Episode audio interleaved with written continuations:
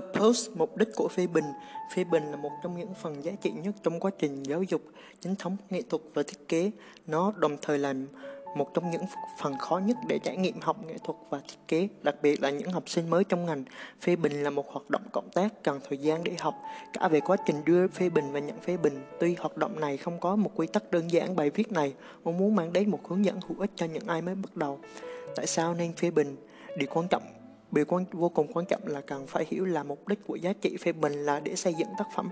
Lời phê bình phục vụ tác phẩm không phải cho người tạo ra tác phẩm. Một lời phê bình tác phẩm không phải là sự phê bình về nhân phẩm của tác giả và việc tạo ra một sản phẩm tồi không biến bạn thành một kẻ tồi. Dưới vai trò của một người tham gia hoạt động phê bình, bạn nên biết tại sao bạn phê bình hoặc được nhận phê bình. Một số lời phê bình buổi quiz đóng vai trò khám phá ý tưởng một số để trao chút những chi tiết nhỏ, một số lại không thực sự là buổi quiz mà thực chất là một buổi ăn mừng khi hoàn thành một dự án. Một buổi quiz nên có mục tiêu từ đó. Bạn biết tại sao giáo viên lại tổ chức nó? Một điểm cốt yếu của nó là gì? Đôi lúc, một buổi quiz nhóm có thể trở thành một buổi biểu diễn, nhưng mà chỉ có một số ít tham gia đóng góp ý kiến hỏi giáo viên thay đổi cách thức tổ chức phê bình để tránh việc này. Tổ chức thành nhóm nhỏ phê bình một một hay xoay quanh vòng Speed Day dưới dạng viết hoặc là phê bình trực tuyến đều là những phương pháp giá trị và giúp bạn lắng nghe được những ý kiến đóng góp đa chiều hơn. Phê bình là một trang bị kiến thức.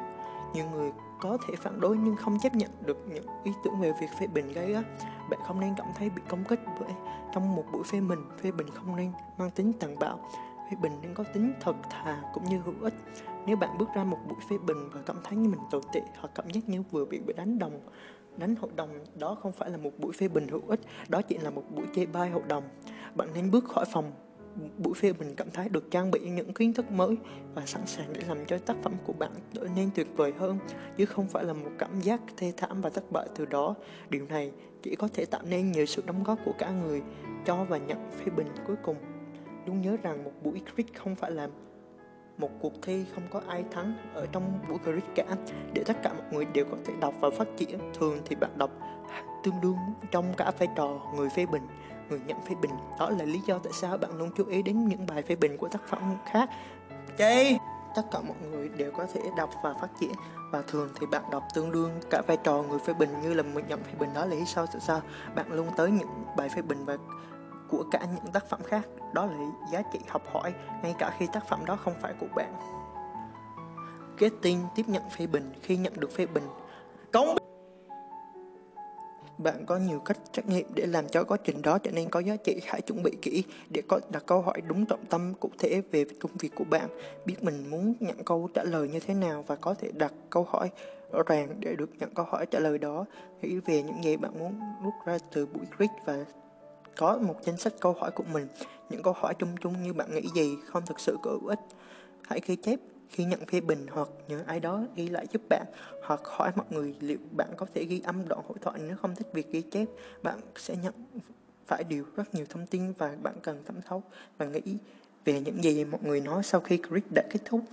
Vì sẽ có những luồng ý kiến khác nhau về sản phẩm của bạn bạn sẽ phải quyết định chỉ trích nào đáng hay ho, không đáng quan tâm, chỉ vì ai đó bảo bạn một điều gì đó không đồng nghĩa với việc bạn phải làm theo. Kể cả giáo viên, mọi người đều có nhiều cách diễn giải, nhưng hãy nhớ rằng phớt lờ những gì tất cả mọi người nói không giúp bạn cải thiện được tác phẩm của bạn. Phải hành động vì mỗi người sẽ phản ứng khác nhau. Trong mỗi lời phê bình, nhưng khi mọi người công nhận được thứ bạn cần trong buổi quiz nhóm lớn hoặc qua hỏi đáp với giáo viên, bạn nên xin thêm những ý kiến từ bạn bè với tư cách là sinh viên. Bạn nên học cách nắm lấy những gì bạn cần, thay vì trời nó tự nhiên đến với bạn. Học thiết kế không phải là phải là chủ động chủ động nếu bạn cần biết nhiều hơn, bạn phải tự tìm nó. Thông thường, thứ khó nhất trong việc phê bình là bạn phải chấp nhận những lời phê bình mà không bị tự ái không giận dữ, không bao biện. Bạn phải tiếp nhận quá trình click như thể ý kiến bạn nhận được phản ánh sự thật không phải nhằm mục đích công kích cá nhân, điều đó rất khó để làm. Đặc biệt là trước mặt mọi người, đó cần sự rèn luyện. Hãy nhớ rằng tất cả thần tượng thiết kế của bạn cũng đôi khi là sản phẩm tệ, cũng chính sự phê bình là thứ giúp tác phẩm của họ cải thiện hơn như tất cả mọi người.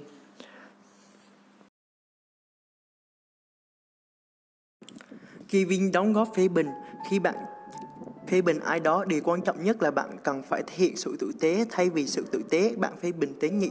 Khi nói với người khác rằng sản phẩm của họ cũng khá tốt, chỉ để tránh làm tổn thương cảm xúc của họ. Còn lời phê bình tử tế là là nói rằng sản phẩm của họ chưa đến nơi đến chốn, để họ biết đó cần là cải thiện hoặc trao chúng trao chúc hãy tử tế và thật lòng, thay vì chỉ cố tỏ ra tốt bụng và giả lả, còn nữa hãy đảm bảo rằng nhận xét của bạn không xúc phạm và tỏ ra ngạo mạn đối với đối phương. Hãy nhớ rằng, để đóng góp một lời phê bình có ý nghĩa hoàn toàn không cần bạn phải xấu tính.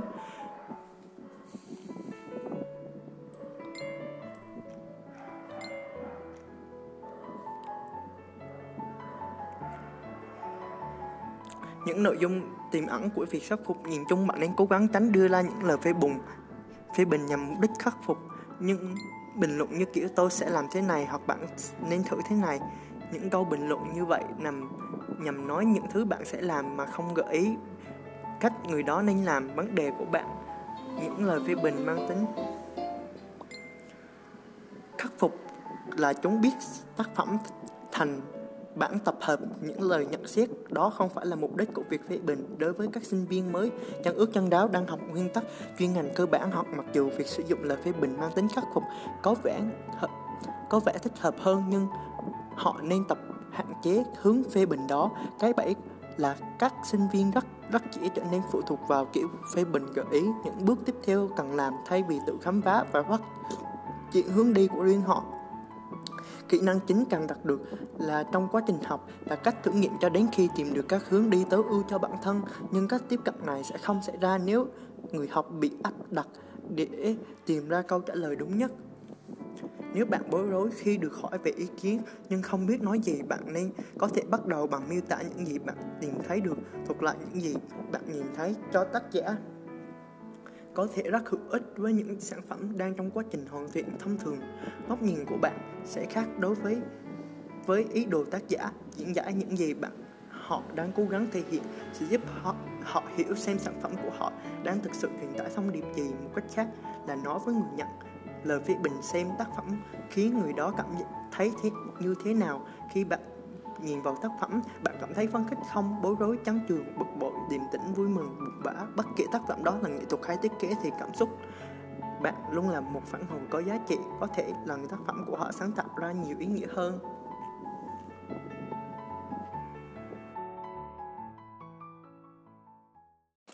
10 sai lầm nên tránh trong thiết kế. Thiết kế logo là một công việc đòi hỏi nhiều kỹ năng và khả năng sáng tạo đối với mọi designer. Tuy nhiên, nếu chưa có kinh nghiệm hoặc trong mảng này, bạn sẽ được mắc phải những lỗi sai không đáng có, hiểu và tránh những lỗi sai trong quá trình thiết kế có thể giúp bạn tạo ra những logo ấn tượng hơn. Một, bỏ qua giai đoạn nghiên cứu, nghiên cứu và khám phá thương hiệu là một giai đoạn đầu tiên của bất cứ dự án thiết kế nào và logo cũng không ngoại lệ. Trước khi bắt tay vào thiết kế logo, hãy dành thời gian để tìm hiểu các công ty thương hiệu mà bạn đang thiết kế, tìm hiểu về khách hàng và những gì họ đang mong đợi, cùng tìm hiểu các đối thủ cạnh tranh của họ trên thị trường. Sau đó, dành chút thời gian để phân tích rút ra kết luận những gì bạn đã nghiên cứu. Bạn cũng nên phát thảo ra những ý tưởng ra giấy để hình dung rõ hơn về logo mà bạn định thiết kế. Thứ hai là theo xu hướng. Logo của một thương hiệu thường được sử dụng một thời gian dài, thậm chí có nhiều logo được sử dụng vài thập kỷ, ví dụ logo của thương hiệu Chanel, Double C, hoặc logo của Lascote hình con cá sấu.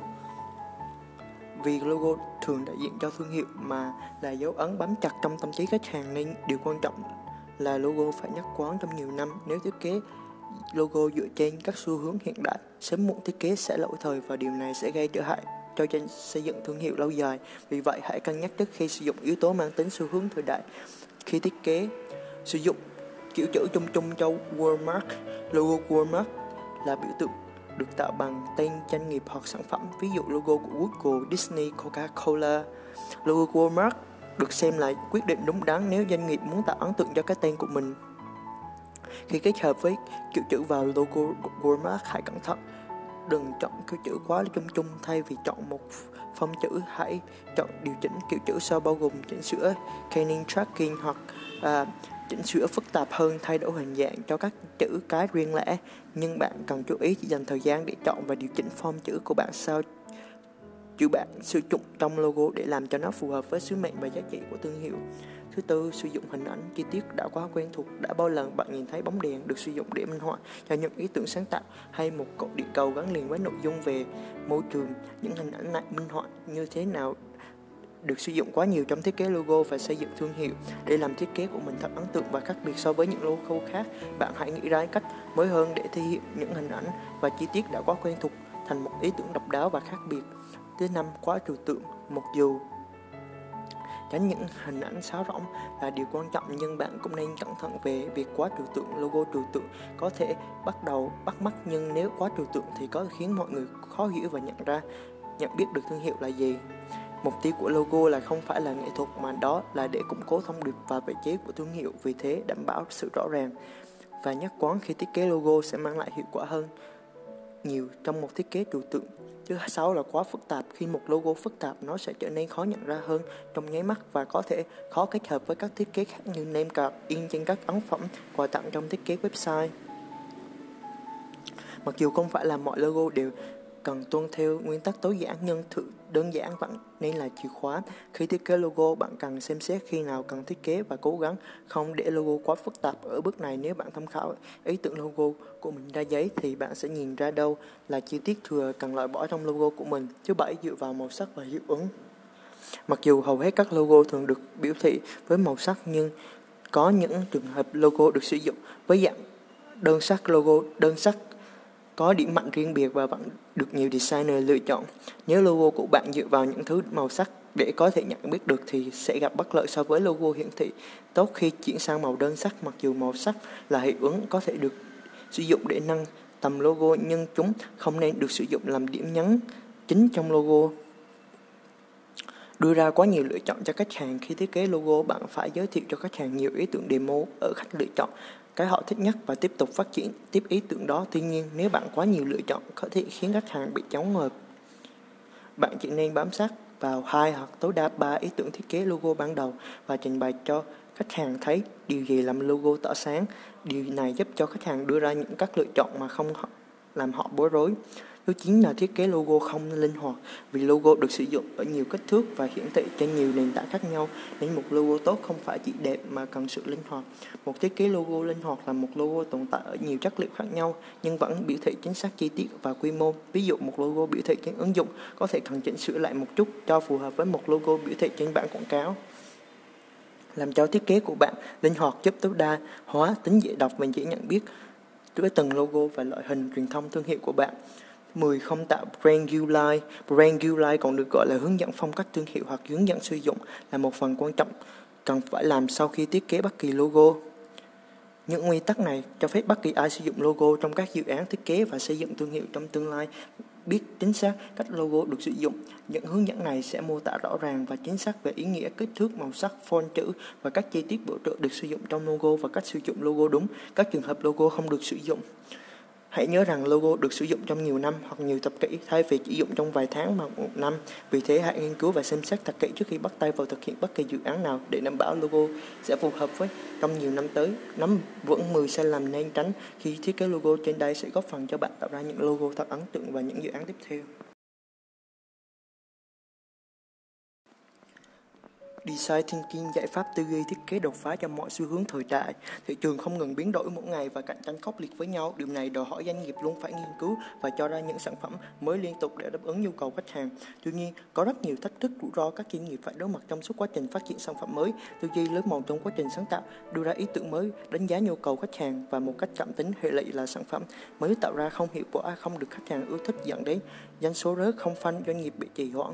Bên cạnh đó, trong bối cảnh tương lai không để thể đoán được, doanh nghiệp càng kỳ vọng kiểm soát quy trình phát triển sản phẩm mới đáp ứng kỳ vọng khách hàng một cách chặt chẽ.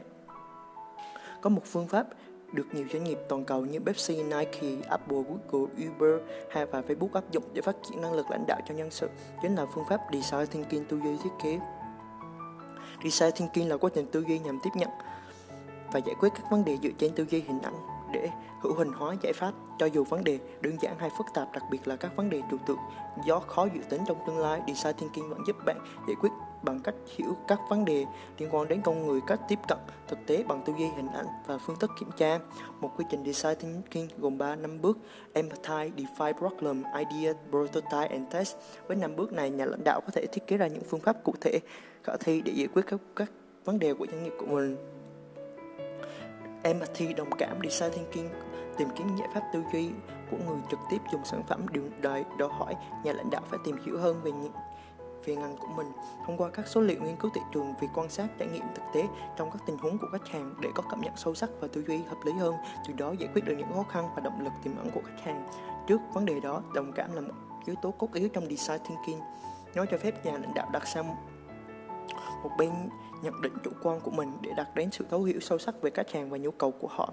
Ví dụ trong lĩnh vực công nghệ và điện tử, trải qua quá trình nghiên cứu, phân tích, lắng nghe và thấu hiểu khách hàng tiềm năng, bạn phát hiện ra rằng họ có nhu cầu về những chiếc điện thoại công nghệ cao nhằm tiện lợi hơn cho việc sử dụng và quan trọng hơn là nhu cầu chứng tỏ bản thân và thể hiện niềm đam mê với công nghệ, việc sở hữu sản phẩm một chiếc điện thoại công nghệ cao từ nhu cầu bạn có thể bắt đầu đi sâu hơn vào các phương pháp để triển khai sản phẩm mới xác định vấn đề define problem trong bước xác định vấn đề, các dữ liệu và thông tin thu thập được ở bước đồng cảm sẽ được hỗ trợ liên kết lại với nhau để phân tích và xác định trọng tâm của vấn đề. Ở bước này, chủ doanh nghiệp nên nhìn nhận vấn đề của việc lấy con người làm trung tâm. Lối tư duy này nhấn mạnh vào việc xác định và phân tích vấn đề cốt lõi, từ đó đưa ra giải pháp tốt nhất. Lấy ví dụ thay vì xác định vấn đề theo mong muốn cá nhân của chủ doanh nghiệp hoặc theo nhu cầu của doanh nghiệp như chúng ta cần 5% thị phần sản phẩm. Ở phân khúc các tinh nữ thì kết tốt nhất hơn để nhiều định nghĩa là vấn đề thành các tinh nữ cần ăn thức ăn bổ dưỡng để phát triển toàn diện mạnh khỏe hơn. Ngoài ra, chủ doanh nghiệp còn có thể phát thảo sơ đồ liên kết giữa dự báo các thử thách tình trạng hiện tại của vấn đề và cả mục tiêu muốn đạt đến. Tư duy sơ đồ này bạn có thể điều chỉnh để đội ngũ của mình theo đi theo đúng hướng. Tìm các ý tưởng ở bước thứ ba, các quy trình design thinking tư duy của bạn đã sẵn sàng tạo ra những ý tưởng sáng tạo với nền tảng thông tin và sự động cảm có được từ hai bước đồng cảm xác định vấn đề chủ doanh nghiệp có thể bắt đầu think outside the box để khám phá ra các giải pháp mới mẻ và sáng tạo cho vấn đề.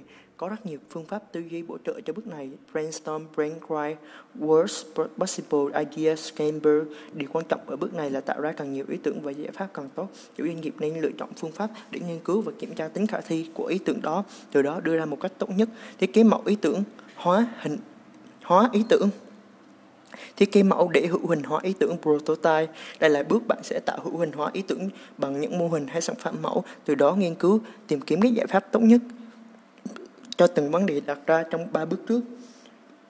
Các sản phẩm bước này có thể là sản phẩm thức uống nếu bạn đang trong lĩnh vực S and B demo khóa học nếu bạn lĩnh vực về training coaching, công việc nghiên cứu, kiểm tra, phát triển dựa trên trải nghiệm và nhu cầu của khách hàng mỗi doanh nghiệp.